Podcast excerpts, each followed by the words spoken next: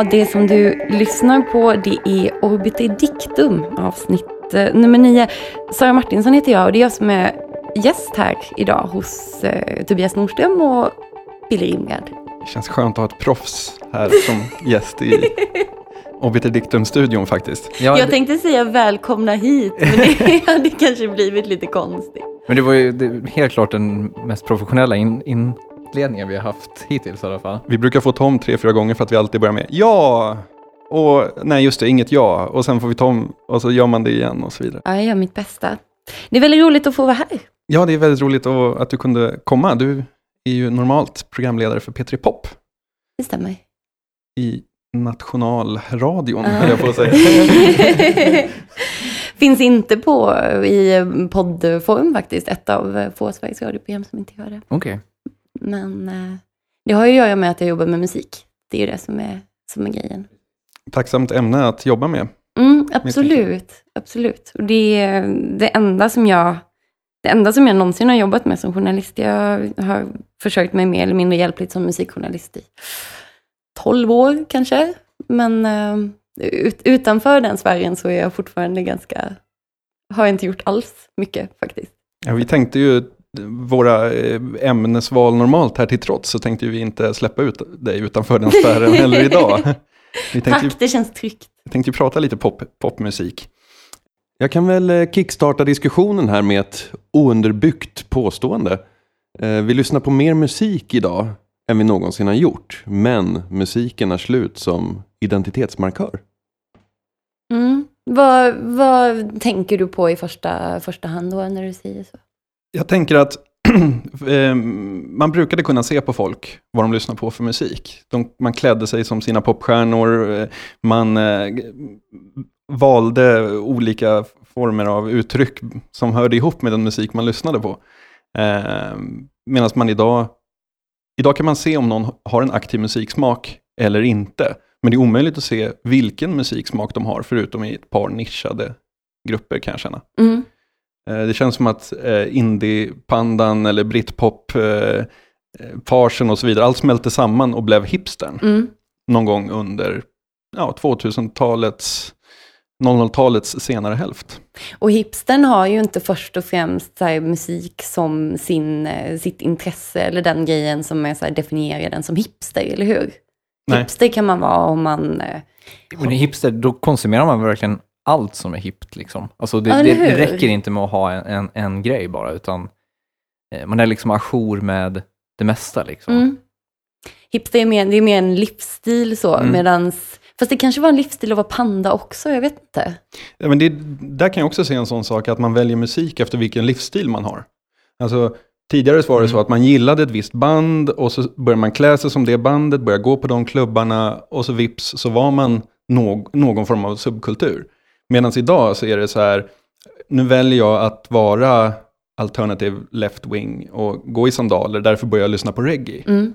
Jag, jag, vet inte, jag skulle nog säga att det kanske finns ett samband mellan, mellan det vi pratar om nu och att man faktiskt laddar ner sin musik. Alltså det finns inte längre någon form av exklusivitet i att, äh, i att konsumera en viss sorts musik. Alltså, alla har liksom Spotify eller sitter och laddar ner på torrentsidor eller vad som helst och har därför tillgång till eh, Eh, all form av musik och du kan inte längre skryta med att du har hört någon obskyr B-sida av eh, ett band som väldigt få lyssnar på. Liksom. Tror ni att det finns ett, ett samband där eller vad, vad kan det bero på liksom? Fast jag vet inte, alltså, samtidigt så finns det ju en, så här, en uh, motrörelse till det där som mer och mer försöker så här, definiera ut sig från mainstream eller från, från det här liksom att alla har tillgång till allting och från det här att uh, musik är så stor del av allas liv och verklighet idag. Det finns ju den här liksom fortfarande ja, men ganska så här reaktionära musiklyssnaren som släpper sina skivor i liksom 300 exemplar pressad vinyl mm. och som håller i, så jag tycker i och för sig att det är jätteroligt att gå på sånt själv, men som håller så här obskyra små popquiz i eh, pubkällare och som liksom hela tiden så här positionerar sig ut efter någon slags så här nördperspektiv. Liksom. Mm.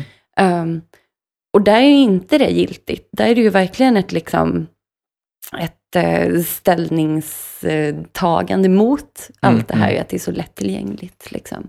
Och där blir det kanske en identitetsbil också i och för sig. Men eh, tror du det är en utdöende art eller tror du att den kommer bli vanligare? Den, eh, det- Alltså det verkar ju inte utdöende. Eller jag tycker att man får så ett mejl i veckan om, eh, eller ett mejl om dagen om ett nytt obskyrt släpp som släpps på ett eller annat sätt som gör det svårt att, Mm. att konsumera. Liksom. Ja, men där tror jag är väldigt viktigt att komma ihåg att det finns små subgrupper, eller vad man ska säga, av folk som har en högst aktiv eh, musik som, som definierar vem de är. Men de finns i så små klickar, så man ser dem inte Mm. på, på ytan så att Nej. säga. De är 150 personer samlas kring ett väldigt smalt nischat uttryck och lyssnar på eh, undergångsdrone. Och de, man hittar dem på Fylkingen varje helg. Mm. Men det är inte så att vi går på stan och ser så här, ah, en drone. Nej, nej. Där går en drone. Det hade i och för sig varit väldigt roligt. Ja, Jag var ju på GA, festivalen GAS i helgen här, Göteborg Art Sounds. Och jag kan verkligen intyga att det, det, det är en brokig skara människor som, som, eh, som är där. Dels skiftar den väldigt mycket i åldrar och ehm, det enda man kan se som någon slags trend är väl att det mest är så vita medelklassmänniskor. Liksom. Men Mm. Eh, I övrigt så, är ju, så skiljer sig de flesta ganska mycket åt. Men jag vet inte, jag, jag har nog varit så pass cynisk att jag har tolkat hela den med små upplagor och sånt, hela den grejen som, som att det är skivbolag som gör små upplagor för att ha råd att släppa saker, snarare än att eh, det är klart att det finns en, en aspekt av att spela på någon slags exklusivitet också. Jag har Kningdisk som ett eh, ganska talande svenskt exempel.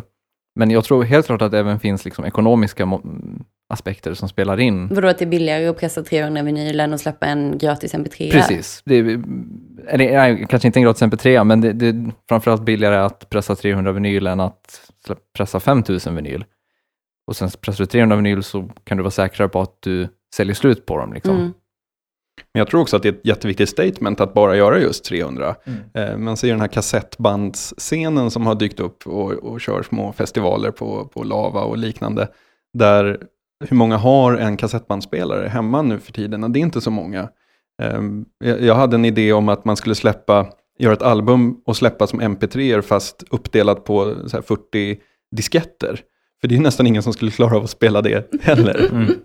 Det, är- det är också så här extremt smalt. Och då blir ju smalheten en, eh, det blir ju en, också en identitet. Att vi, vi har vår grej, vi har vårt community, vi har våra klubbar och våra eh, klädkoder och så vidare.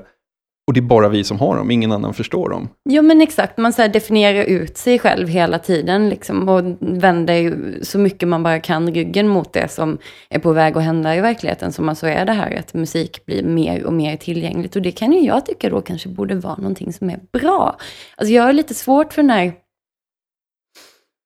Jag ska inte säga att jag har svårt för det, men jag har lite så här... Jag är inte riktigt bekväm i den, det ställningstagandet att så här, jag gör min musik och släpper den på ett sätt som ska vara svårt för min publik att ta till sig. Alltså det behöver inte vara superkommersiell popmusik för att jag ska kunna relatera till det. Det kan vara jätteobskyrt och det kan vara drone på fylkingen liksom. Men om man vill göra musikintresserade människor en tjänst för att så här, man, vi generellt ska här, slippa gå omkring och känna oss som nördar, ja men då kanske det inte är så jäkla bra att fortsätta liksom definiera bort sig så från resten av världen. Det kanske vore så här bra för oss som i alla år har haft den här liksom stämpeln av att vara så här, ja men du håller på med din lilla så här konstiga kulturform. För oss skulle det vara jättebra om man så här släppte lite på de där pretensionerna och istället så här öppnade upp och använde de möjligheterna som finns nu i och med internet och Spotify och, till exempel. Men, men är inte det också på något sätt alltså det man slits mellan hela tiden när man, eh, när man eh, väljer eller att konsumera sin, ident- sin kulturella identitet, eller vad vi nu vill kalla det. Alltså att man å ena sidan vill vara en, en del av någon slags gemenskap i, i, i någon grupp som gillar samma saker, och å andra sidan vill vara den här individen som gör någonting som ingen annan gör. Alltså att man vill ha, man vill ha sitt, sitt exklusiva och samtidigt vara en del av, av gruppen, så att säga. Men eller hur, det är så här indiekulturens eviga dilemma. Så. Precis. Och just att vara del av gruppen tror jag är en av anledningarna till varför jag påstår, eh, inledningsvis påstod det här om att musiken känns slut som identitetsmark- identitetsmarkör. Och det är ju, jag saknar ju verkligen att kunna gå till en klubb där ett visst band spelar och man vet precis vilka som kommer vara där och även om man inte känner dem som person så, så vet man vilken typ av personer som kommer vara där och man gillar att höra hemma någonstans. Och i, i den här blandklubbs eh, eller mp3-bloggsvärlden där ah, det mesta funkar enligt någon osynligt röd, röd tråd eh, så kan jag känna att just den så här, vi-känslan verkligen har försvunnit. Fast den finns ju på nätet då istället kan jag tycka. Att det finns liksom den här gemenskapen eller den här liksom tillhörandet kan du hitta på en blogg idag lika väl. Liksom. Om du är den som går in på mm, 20 Jazz Funk Greats varje morgon så känner du någon form av så här gemenskap och tillhörande i det. Mm. Även om det kanske inte riktigt går att jämföra med liksom att, att verkligen så möta människor i och för sig. Men du kanske får intressera dig för typ så emo-kulturen. Den är ju Ja. väldigt tydlig. Goth. ja, precis. Men, men, en annan faktor som jag tror är jätteviktig är också att det har i och för sig att göra med hur vi konsumerar musik idag, men det är att man inte vet hur artisterna man tycker om ser ut idag. Kanske. Ni skrattar. Det är men- svårt att klä sig men- som en artist Ja. om man inte vet hur den ser ut. Absolut. Ja, men Jag, jag tänkte bara på två, eh, två, två exempel på sånt som jag eh, liksom lyssnat mycket på i, i vinter. Steso Songs och eh, Miami Horror. Och insåg att nej, jag har ingen aning om hur någon av dem ser ut. Och det är liksom den här, det andra sidan av MP3-myntet så att säga. Att man, I och med att man inte läser musiktidningar längre och inte har skivorna längre och så vidare. Då blir det Eh, man ser aldrig promobilder, man ser aldrig hur deras grafiska form eh, ser ut och hur den korrelerar med musiken och så vidare. Jag vet jo Johan Tuvesson i Nicolas Makelberg sa en gång att när man har lyssnat på skivan så har man upplevt 70% av artisten. Eh, och det, jag tycker det är en Ja. ganska, man, man behöver se det live och man behöver liksom, ja, eh, se hur de väljer att framställa sig på, på foton och liknande. Fast jag tycker inte att det stämmer riktigt. Jag tycker att så här, den liksom spridda, den ny, nya musikvideotrenden till exempel, när alla band, även det liksom allra, allra minsta som bara har gjort en låt som de har släppt på MySpace, dessutom gör en, en video till som sprids lika snabbt som mp3-filerna. Det, där får du ju verkligen den liksom estetiska inramningen och du får den jättesnabbt och direkt i din... Men, men syns verkligen de här banden ofta i de här videorna? Jag tycker oftast att det är så här ihopklipp från lite obskyra filmer eller någonting ja, sånt. men du får ändå en Jo, jo. estetisk... Alltså som Girls till exempel, jättebra exempel på det. Ett band som så låter som ganska många andra band har gjort genom historien. Själva musiken är inte, förutom att det är så extremt bra poplåtar, så är inte den så här super, super nyskapande liksom. Mm. Men de kommer med ett så genomtänkt, helt grafiskt paket som bara har så här kommunicerats via internet. Som gör att de når fram till sin publik. I och för sig hipsterlyssnare ändå kanske. Men... Men jag skulle samtidigt säga att vi har liksom, alltså på andra sidan spektrat har vi den här liksom artistmyten, om vi ska säga, alltså någon slags Lady Gaga-karaktär som istället då är extremt mycket utseende, alltså stil, kläder och så vidare, och istället då representerar något slags ouppnåeligt ideal, alltså någonting som vi dödliga inte kan, vi kan inte klä oss så eller se ut så i vardagen liksom. Alltså, det blir eh, ouppnåeligt helt enkelt. Där tror jag att, jag tror att skivbolag och nöjesmedia i stort är livrädda för den här utvecklingen som man ändå har sett. Därför att det de alltid har sålt, det är ju en dröm på Mm. något vis. Och den, I den drömmen ingår att du ska stå med 20 000 andra och, och tända din cigarettändare till Where the Streets Have No Name. Ehm, och antalet artister som man kan göra bilagor i kvällstidningarna om när de kommer och så vidare, de, de kan man ju räkna på ja, båda händerna i alla fall. Kanske inte ena handen, men båda händerna. Ehm, och jag tror ju att exempelvis att Lady Gaga slår igenom så extremt stort på så kort tid, är att hon är den första på på, jag menar, in, vad var stort innan henne? Coldplay, hur kul, hur kul var det? Alltså hon kommer med den här drömmen som går att bara exploatera åt alla håll och kanter. Då menar jag inte bara eh, exploatera kommersiellt som för, från skivbolagshåll, utan även fansen kan helt plötsligt sätta någon där uppe på den där ouppnåeliga piedestalen och, och drömma den där drömmen som man faktiskt inte kan när det är ett litet band från, från Brooklyn som kommer och spela på debaser. Och medierna behöver ju Lady Gaga jättemycket också, som du säger det här med hur många finns det som man kan göra en bilaga på. Uh, Lady Gaga är ju liksom nu kände jag så att jag egentligen inte ville prata om Lady Gaga för att jag pratar så himla mycket om Lady Gaga som fenomen hela tiden. Jag, jag det är det som är så ointressant prata, med henne. Man kan aldrig prata tillräckligt mycket om Lady Gaga, känner jag. Nej, men det är det jag tycker är så himla ointressant, för man pratar bara om att man pratar om Lady ja. Gaga. Förstår du vad jag menar? Att det är bara yta i den här drömmen då. Liksom. Det är ingen som pratar någonting i princip om hennes musik. Det enda man vet är att så här, Red One har producerat en låt. Det är typ det man vet. Man vet inte vad det liksom är som gör att Sara, 18 år, ska så här, kunna relatera till den här musiken, ta den till sig och känna att den, så här, ja, men den känns verkligen. Liksom, den här låten den betyder någonting för mig. Det är liksom helt stumt och outforskat område, det är det som det handlar om. Det är istället vem som har designat henne, Lady Gagas senaste cigarettglasögon. Liksom, det är bara, bara Jag gillar ju för sig det. Alltså, jag gillar det jättemycket, att, att det just är total yta. Liksom. Alltså att, att all, allt form av innehåll är bortskalat och man har liksom, ja men det blir bara så, liksom, vi pratade förra veckan om superhjältar, men det blir verkligen bara liksom myten kvar. Eh, och det som finns där bakom är liksom totalt oväsentligt på något sätt. Men hur viktigt är musiken då? För vi pratar om att här, musiken är det, det, den är viktigare än någonsin och har en större roll i, i människors liv och är närvarande hela, hela tiden. Men hur viktig är den då om den största popstjärnan bara är yta? Men jag skulle samtidigt argumentera för att den kanske inte är eh, jätteviktig för de allra flesta. Alltså att, vad heter det, att många väljer att konsumera sin musik på det sättet. Alltså att, som Billy var inne på, att den här musiken den klär mig i förhållande till min identitet i övrigt. Alltså, men att det då å andra sidan har luckrats upp det här med att jag är emo all in. Liksom. Och istället så är, är det att ja, men man, man plockar på sig de grejerna som på något sätt eh, återspeglar den man vill vara. Liksom. Men är inte, inte snacket kring Lady Gaga och allt sånt där, är inte det ett symptom på att vi liksom inte har fått prata om det på så himla himla länge? Det, det var ändå ett tag, alltså kring, kring de här banden som Coldplay och alla de där, det fanns inte så mycket att säga om dem förutom att liksom han dejtade någon, mm. vem det nu var. Precis, det är ändå ja, populärkultur. det finns ett sug efter, det finns ett sug efter den där popstjärnan som händer här och nu, liksom, ja. som inte har sina bästa bästa år bakom sig. Och pratar man om Coldplay så är ju de raka motsatserna. Så de, är ju, de kommer ju med ett paket som är så helt utan yta men fullt av så extremt mycket känslor. Liksom. Mm, mm. Jättekänslointensiv musik. Mm. Så. Deras musik kan man ju prata om hur mycket som helst oavsett om man tycker om dem eller inte. Men det är liksom, där finns det ganska mycket att säga. Sen tror jag att det också är så att om man tittar tillbaka på myten, eh, alltså exempelvis som David Bowie, liksom, det är klart att alla vet mer om myten när han tar livet av Ziggy Stardust än de vet om Ziggy Stardust-plattan. Mm. Um, och jag tror att det behovet av att bygga de här historierna och berättelserna finns kvar. Uh, även fast de här stora popstjärnorna inte nöd nödvändigtvis är de här frälsarfigurerna längre.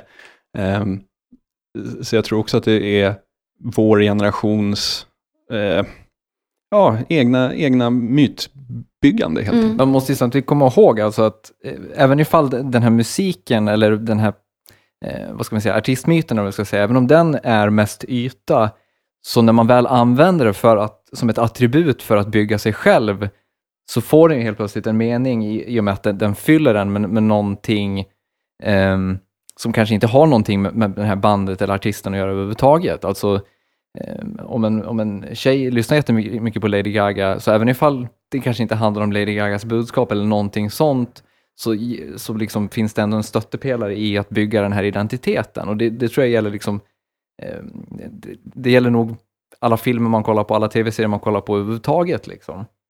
Mm. Att även ifall det inte ställer några stora frågor till en, så får man någonting av att här, ha någonting att prata om, ha någonting att berätta om och så vidare. Liksom. Men jag tänkte lite på det här som du sa, att, eh, att alla som konsumerar musik idag, alltså alla de här som vi förutsätter då, många, många fler människorna som konsumerar musik mycket mer intensivt, um, att de kanske inte gör det på det där sättet då som, som jag kanske utgår ifrån, som att jag gör det med så här jättemycket känsla och mm. liksom hängivet. Så. Och då tänkte jag på en sak som jag läste i, eh, jag vet, jag, jag vet fortfarande inte var det citatet kom ifrån. Du kanske kan hjälpa mig med det Billy? Nej, jag bad Billy kolla upp det här innan nämligen, för jag hittade det inte själv. Men eh, sportjournalisten Patrik Ekwall i alla fall var citerad i DN nu förra helgen.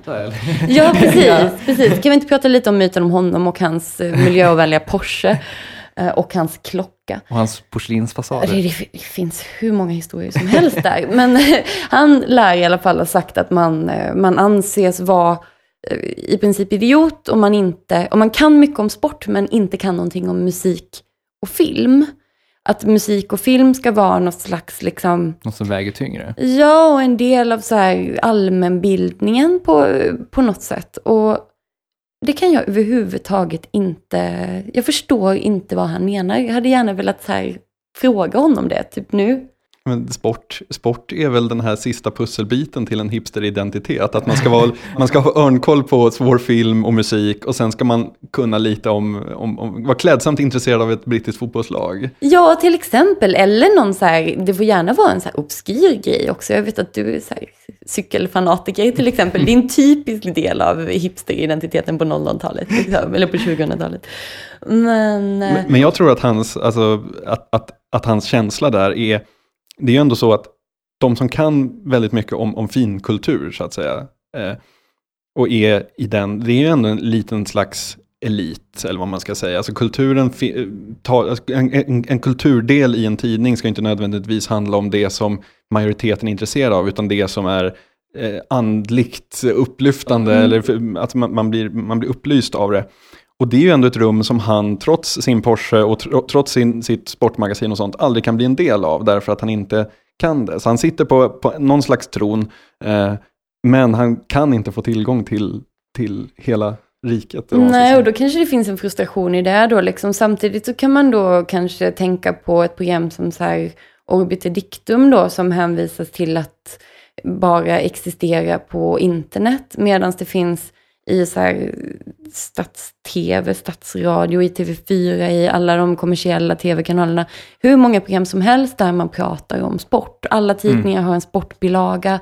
Sporten är så här, man erkänt dyr, jätte, jättedyr att producera i mediasammanhang. Liksom. Eh, och alltid prioriterad. Mm. Då kan man tycka Men- så här, behö, behöver, du, behöver du komma in här och ta kulturen också? Liksom? Men är inte det för att superstjärnorna finns där? Mm. Alltså Cristiano Ronaldo, Wayne Rooney, Zlatan Ibrahimovic. Det är sånt som alla kan Ja. samlas kring och bara älska. Medan vi har just konstaterat att Lady Gaga är den enda som, vi, som finns Ja. på, på en musiknivå. Att det här extremt eh, fragmenterade musiklandskapet gör att det är väldigt svårt att göra en bra produktion. Eh, Vi såg ju, vad hette det som eh, SVT körde på... Eh, eh, Hype.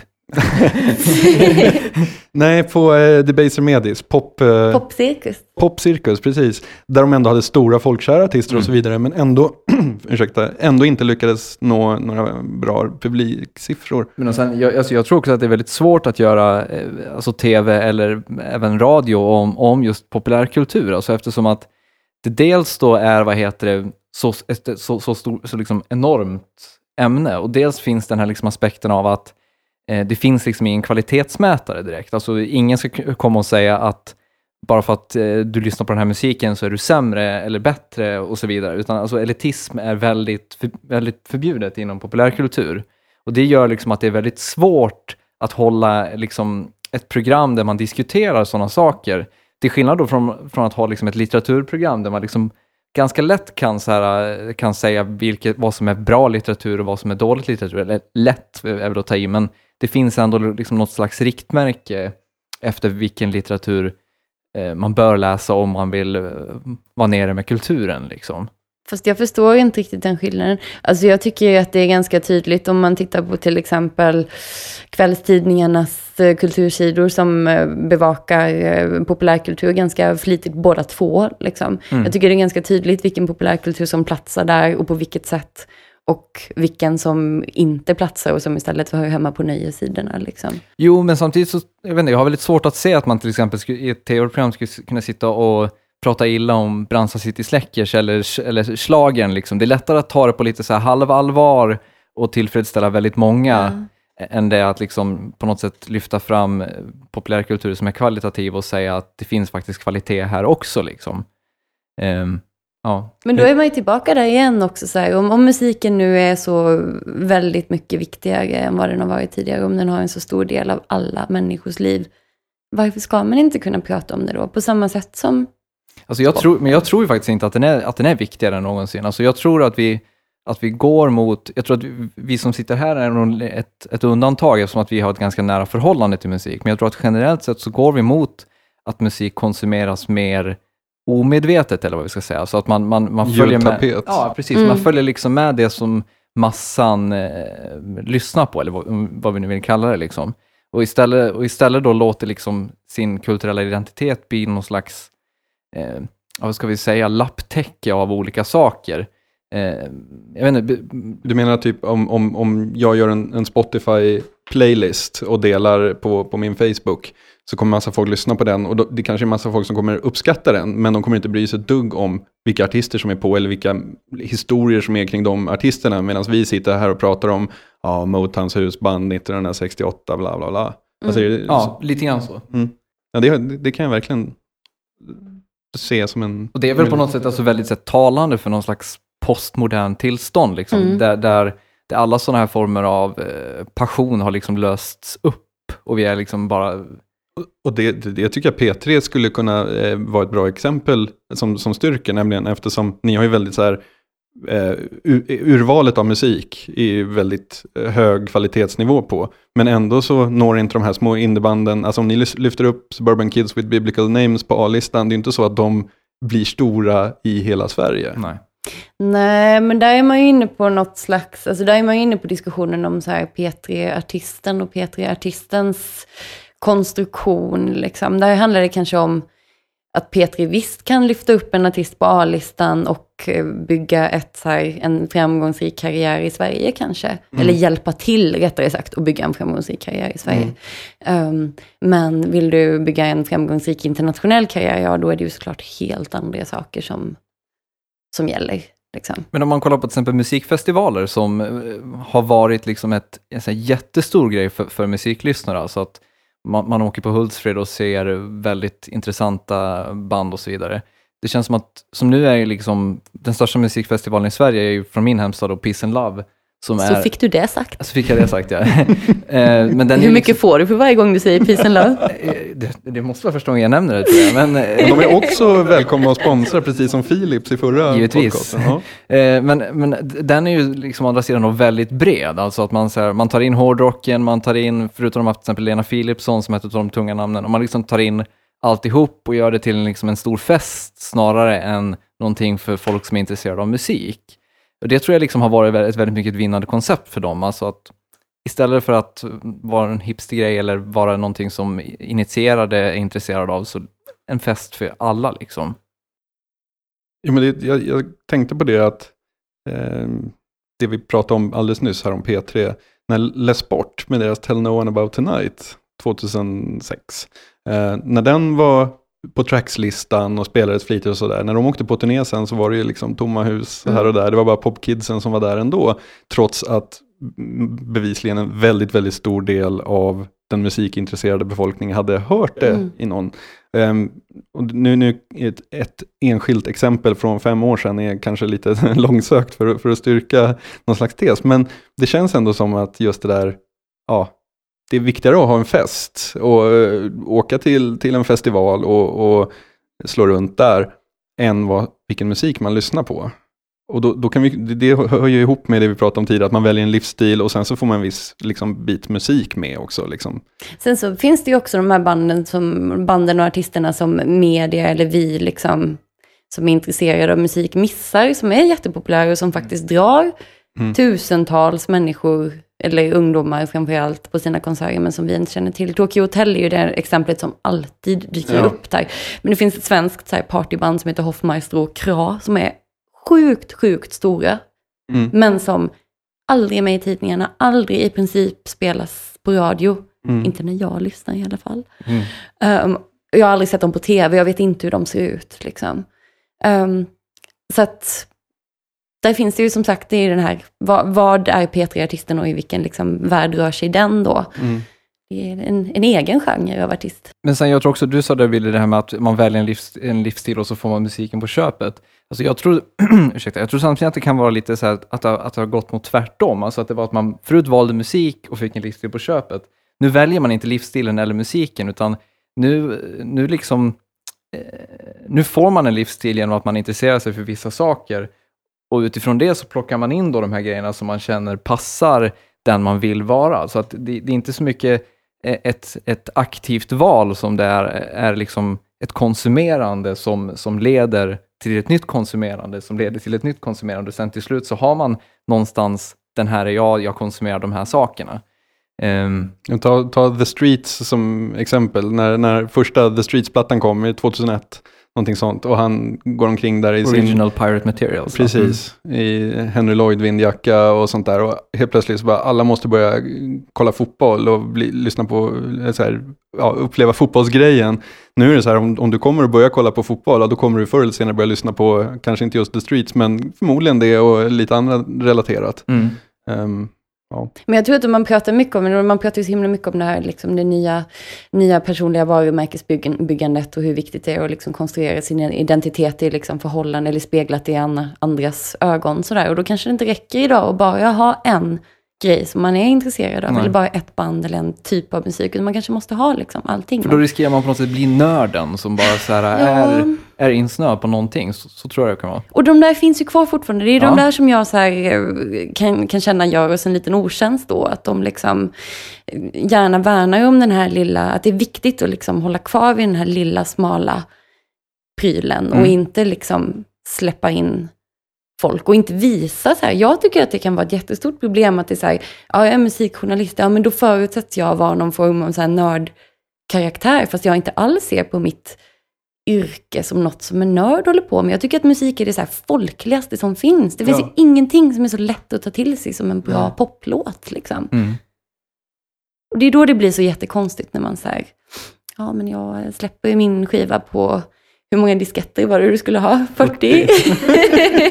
ja, men, men det, det, det, är ju en intressant poäng du, du, har där. Alltså, men, alltså, gör de oss en otjänst eller, eller är det vi som är ute och cyklar som, som inte har någonting att gräva ner oss i? Alltså, eh, eller ja, vi. Jag, vet inte, jag gräver ner mig ganska mycket, men, men alltså, generellt sett, eh, vad kan det här tänkas leda det här med att vi på något sätt blir mer och mer eh, spridda i, i vår kulturella identitet? Finns det, någon, finns det någon fara? Riskerar vi att missa människor som kan gräva djupare i saker och faktiskt bidra med någonting.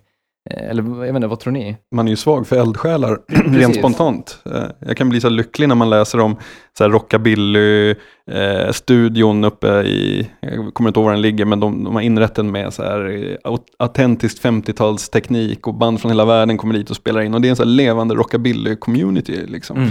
Och även fast jag inte pallar det den musiken för fem öre så kan jag tycka att så här, vad skönt att så här, nu går vi all in på 50-talet och vi går aldrig ut. Liksom. Nej. Men om man ska prata om så här, om jag ska tänka på så här ur mitt, ur mitt perspektiv som, som musikjournalist så kan jag se det som att man så här, musikjournalistiken gräver sin egen grop genom att inte lyfta in, genom att bara till exempel snöa in på rockabilly. Mm. Ja, men då vänder vi oss bara till den här lilla, lilla, lilla minimala delen av svenska befolkningen som är intresserad av rockabilly. Istället för att så här, öppna upp och vara intresserad av all musik och dessutom politik, mode, konst, litteratur etc. etc, etc. För det är ju där man verkligen kan liksom så är det möjligt att göra det med alla dessa små, vi pratade om liksom de här 200 personers klickarna mm. av entusiaster. Är det möjligt att ta ett helhetsgrepp på andra artister än Lady Gaga? Vet, ja, det är ju det. jag det? skulle säga det. Ja, det tycker du, jag absolut. För jag, jag vet inte, jag, jag, jag, jag, kan känna att det på något sätt blir en risk för att det blir liksom en, en musikjournalistidentitet då, om man ska säga, som uh. är liksom i fritt fall och ska vara allting på en gång. Alltså, Okej, okay, vi kanske tar bort musikjournalisten som epitet överhuvudtaget och snackar om någon slags nöjesjournalist överlag, som då liksom, jag vet inte, på något sätt som, så vill man ju ha, man vill att det ska finnas någon form av expertis, eller vad vi ska mm. säga. Um, och det tror jag man kan på något sätt gå miste om. Eh, att det istället blir liksom något slags irrande efter vad som är ehm, eh, vad som kan hjälpa människor att bygga en identitet eller vad som är intressant, aktuellt just nu. Mm. Jag vet inte. Jo, men vad är det som säger att det ena måste vara i, eh, i liksom ställt i motsats till det andra. Alltså du måste ju kunna vara expert utan att vara fullständigt så med ryggen vänd mot omvärlden. Det är väl kanske lite det jag Mm. menar så här, med problemet med att säga att man är nörd. Att man liksom... Man tar inte in någonting utifrån. Det är så här, det eviga, det, är, det som har sagts hur många år som helst nu om att så här, ja, men skivrecensionerna handlar bara om så här, hur, hur bra den här artisten låter i förhållande till en annan artist. När musik egentligen handlar om så mycket mer och är så mycket liksom, ja men som sagt, som, vi, som upprepat som ett mantra här idag, det är en så viktig del av alla människors liv. Liksom. Mm. Men samtidigt den här nörden, alltså de, de, här små klickarna, eh, det finns ju, jag vet inte, samtidigt man går ju på något sätt också miste om någon slags här mångfald eller idé om, om, ehm, om att, alltså det, på något sätt finns det ju en risk att det blir väldigt isolerade klickar liksom som inte lyssnar på, var, på varandra överhuvudtaget. Eh, sociologen Michel Mafesoli pratar ju om det här som urban tribe, om det här urban tribes till exempel, alltså människor som, eh, som bildar de här små grupperna som har något unikt som de har gemensamt och där eh, utefter det avskiljer sig från övriga samhället i princip, bara för att de har, har sin lilla grej eh, som de kör stenhårt på. Eh, eh, jag tror man lätt kan se att sånt finns även idag. Fildelare känns det som en typisk sån kultur som så här, håller samman stenhårt och står för eh, det finns liksom till och med en ideologisk grund som man ansluter sig till. Liksom. Men beror inte det också mycket på att eh, jag, jag började ju förra, vi inledde ju avsnittet med ett påstående från mig, så jag kan väl komma med ett påstående här också. Um, Radio Department-singeln Heavens on Fire börjar ju med ett eh, citat som vi kan ta och lyssna på. People see rock and roll as, as youth culture, and when youth culture becomes monopolized by big business, what are the youth to do? Och det är väl lite så att eh, subkulturer i stort, alltså inte bara olika genrer inom musiken, utan även subkulturer mer och mer försvinner utåt de extrema kanterna. Eftersom de kommersialiseras så himla fort. Förr om åren så kunde liksom drum and bass och jungle-scenen, den fanns i tre, fyra år innan reklambyråerna upptäckte den och började använda den. Idag, om du, om du gör någonting så kommer det vara kommersialiserat på nolltid. För parkourfolket tog det väl bara ett halvår innan första reklamfilmen kom där man hoppar mellan hustak och så vidare. Alltså, jag, jag håller helt klart med, men jag, jag vet inte, det finns samtidigt en... Det finns något lite konstigt i att prata om att det kommersialiseras. Jag menar, populärkultur är ju något i sig väldigt kommersiellt. Alltså det, det, det ligger i dess natur att vara, vara kommersiellt och någonting som folk eh, konsumerar. Och sen om folk vill ha det för sig själva, så det är då först det blir de här ex, extrem, extrema dragen på det, så att säga. Jo, fast olika, alltså subkulturen, alltså livsstilen, Ja. du, tänker, eh, du nämnde fildelning och om man, om man tänker parkour och ja, vad som helst, att, att eh, åka långfärdsskridsko på de frusna sjöarna. Det är ju traditionellt sånt som, alltså innan det dyker upp i, innan det exploateras så att säga, så Mm. har det fått rota sig och, och det finns en struktur i den så att säga. Medan idag går det väldigt, väldigt mycket fortare. Men det är ju därför subkulturen har blivit mer och mer, eh, alltså subkulturer har ju blivit mer och mer som så här gated communities, känner jag det i alla fall som. Alltså att man, ja men än en gång det här att man liksom gärna försöker så här definiera ut sig från mainstreamen, att man så här värnar sitt, och göra sin, sitt, sin lilla kulturyttring lite svåråtkomlig för att den ska kännas så här speciell och unik. Liksom. Men det som du är inne på, att populärkulturen såklart är i grunden kommersiell, subkulturen i grunden är ju också någonting som så småningom kommer sugas upp, om inte allt så lite, i Mm den kommersiella mainstreamkulturen. Liksom. Det är så det alltid har sett ut. För jag tycker att man ser mer och mer exempel på folk som ansluter sig till subkulturer som, som har väldigt svårt att plockas upp av, av mainstreamkulturen. Jag tänker så här donktechnon i norra, norra England. Eh, som liksom jättestort i så här Doncaster och Bradford. Men det har inte ens nått till London. Det är någon slags så här happy hardcore variant. Helt vansinnig drug-fueled techno liksom. Och jag har extremt svårt att se hur den, den är så smutsig och eh, skitig och verkligen ja, gritty. Att jag har svårt att se den plockas upp.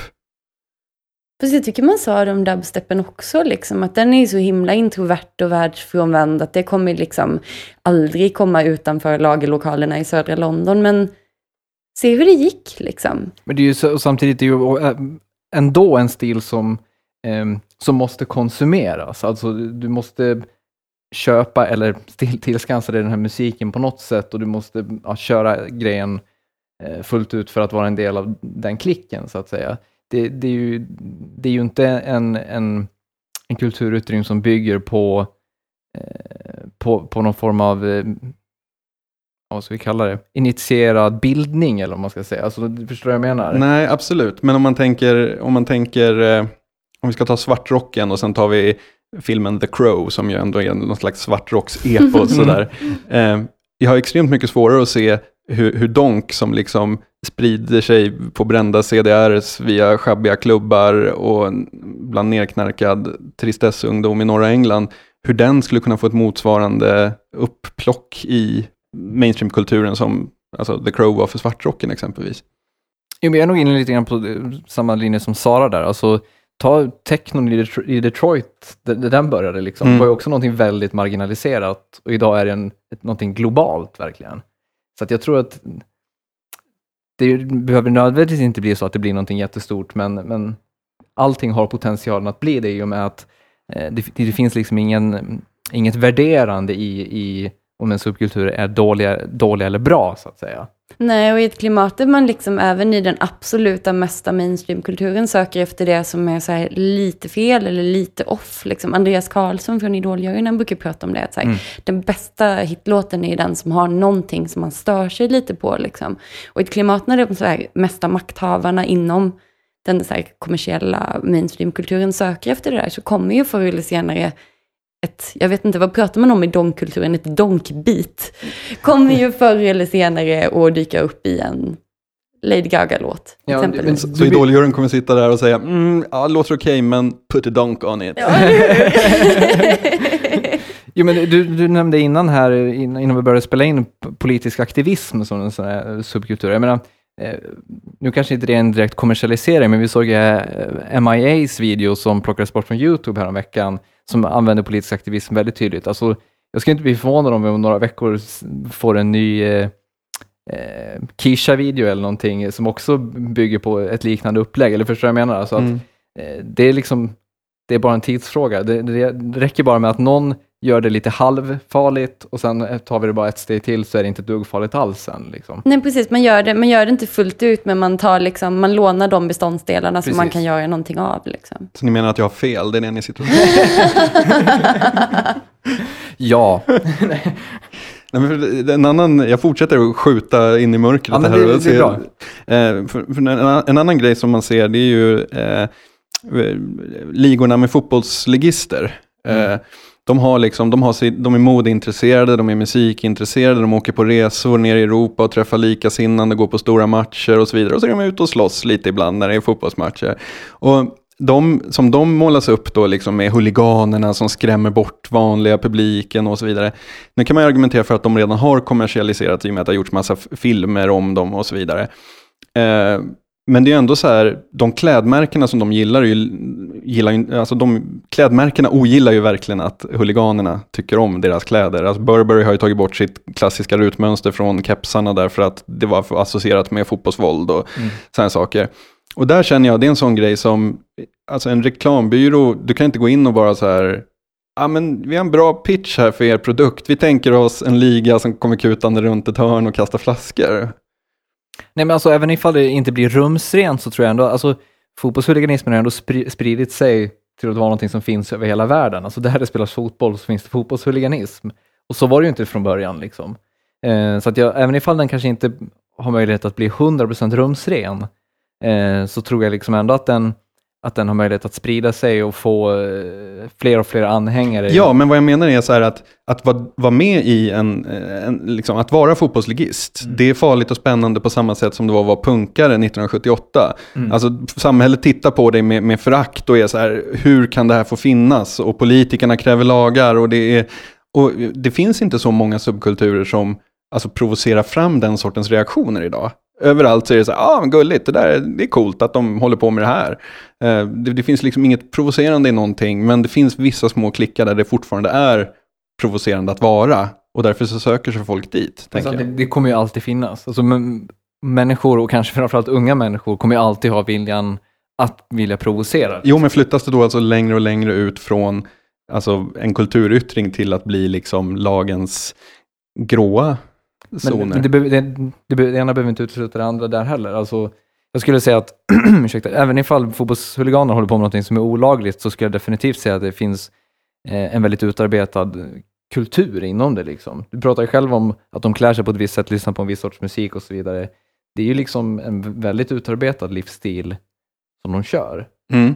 Och att använda attribut från en, eh, jag vet inte riktigt om man kan prata om det här som subkultur i och för sig, men att använda den typen av så här farliga attribut i kommersiell kultur kan ju vara ett sätt att försöka förstå det som man inte förstår och förstå det som, som händer och relatera till det på ett sätt som, alltså göra det lite mindre farligt för, för lyssnaren eller mottagaren. Liksom. Jag tänker på så här, de senaste, det senaste året så har det dykt upp ganska många här, amerikanska indieband eller indieprojekt som använt sig av så här, Mellanöstern-tematik. Alltså Mm.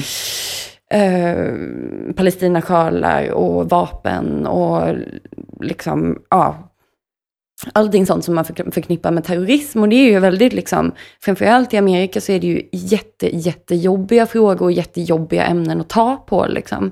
Men använder man sig då av de här fåtalet attributen i populärkultur så blir det plötsligt så här, det blir närmare och det blir lite lättare att relatera till. Så är det en poplåt också. Ja, men det kanske inte är, men jag kanske inte behöver vara så himla rädd. Liksom.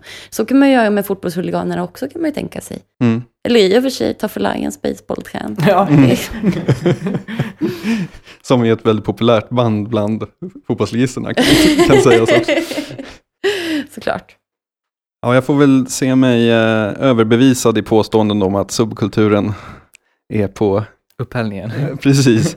Jag tror istället att vi går till,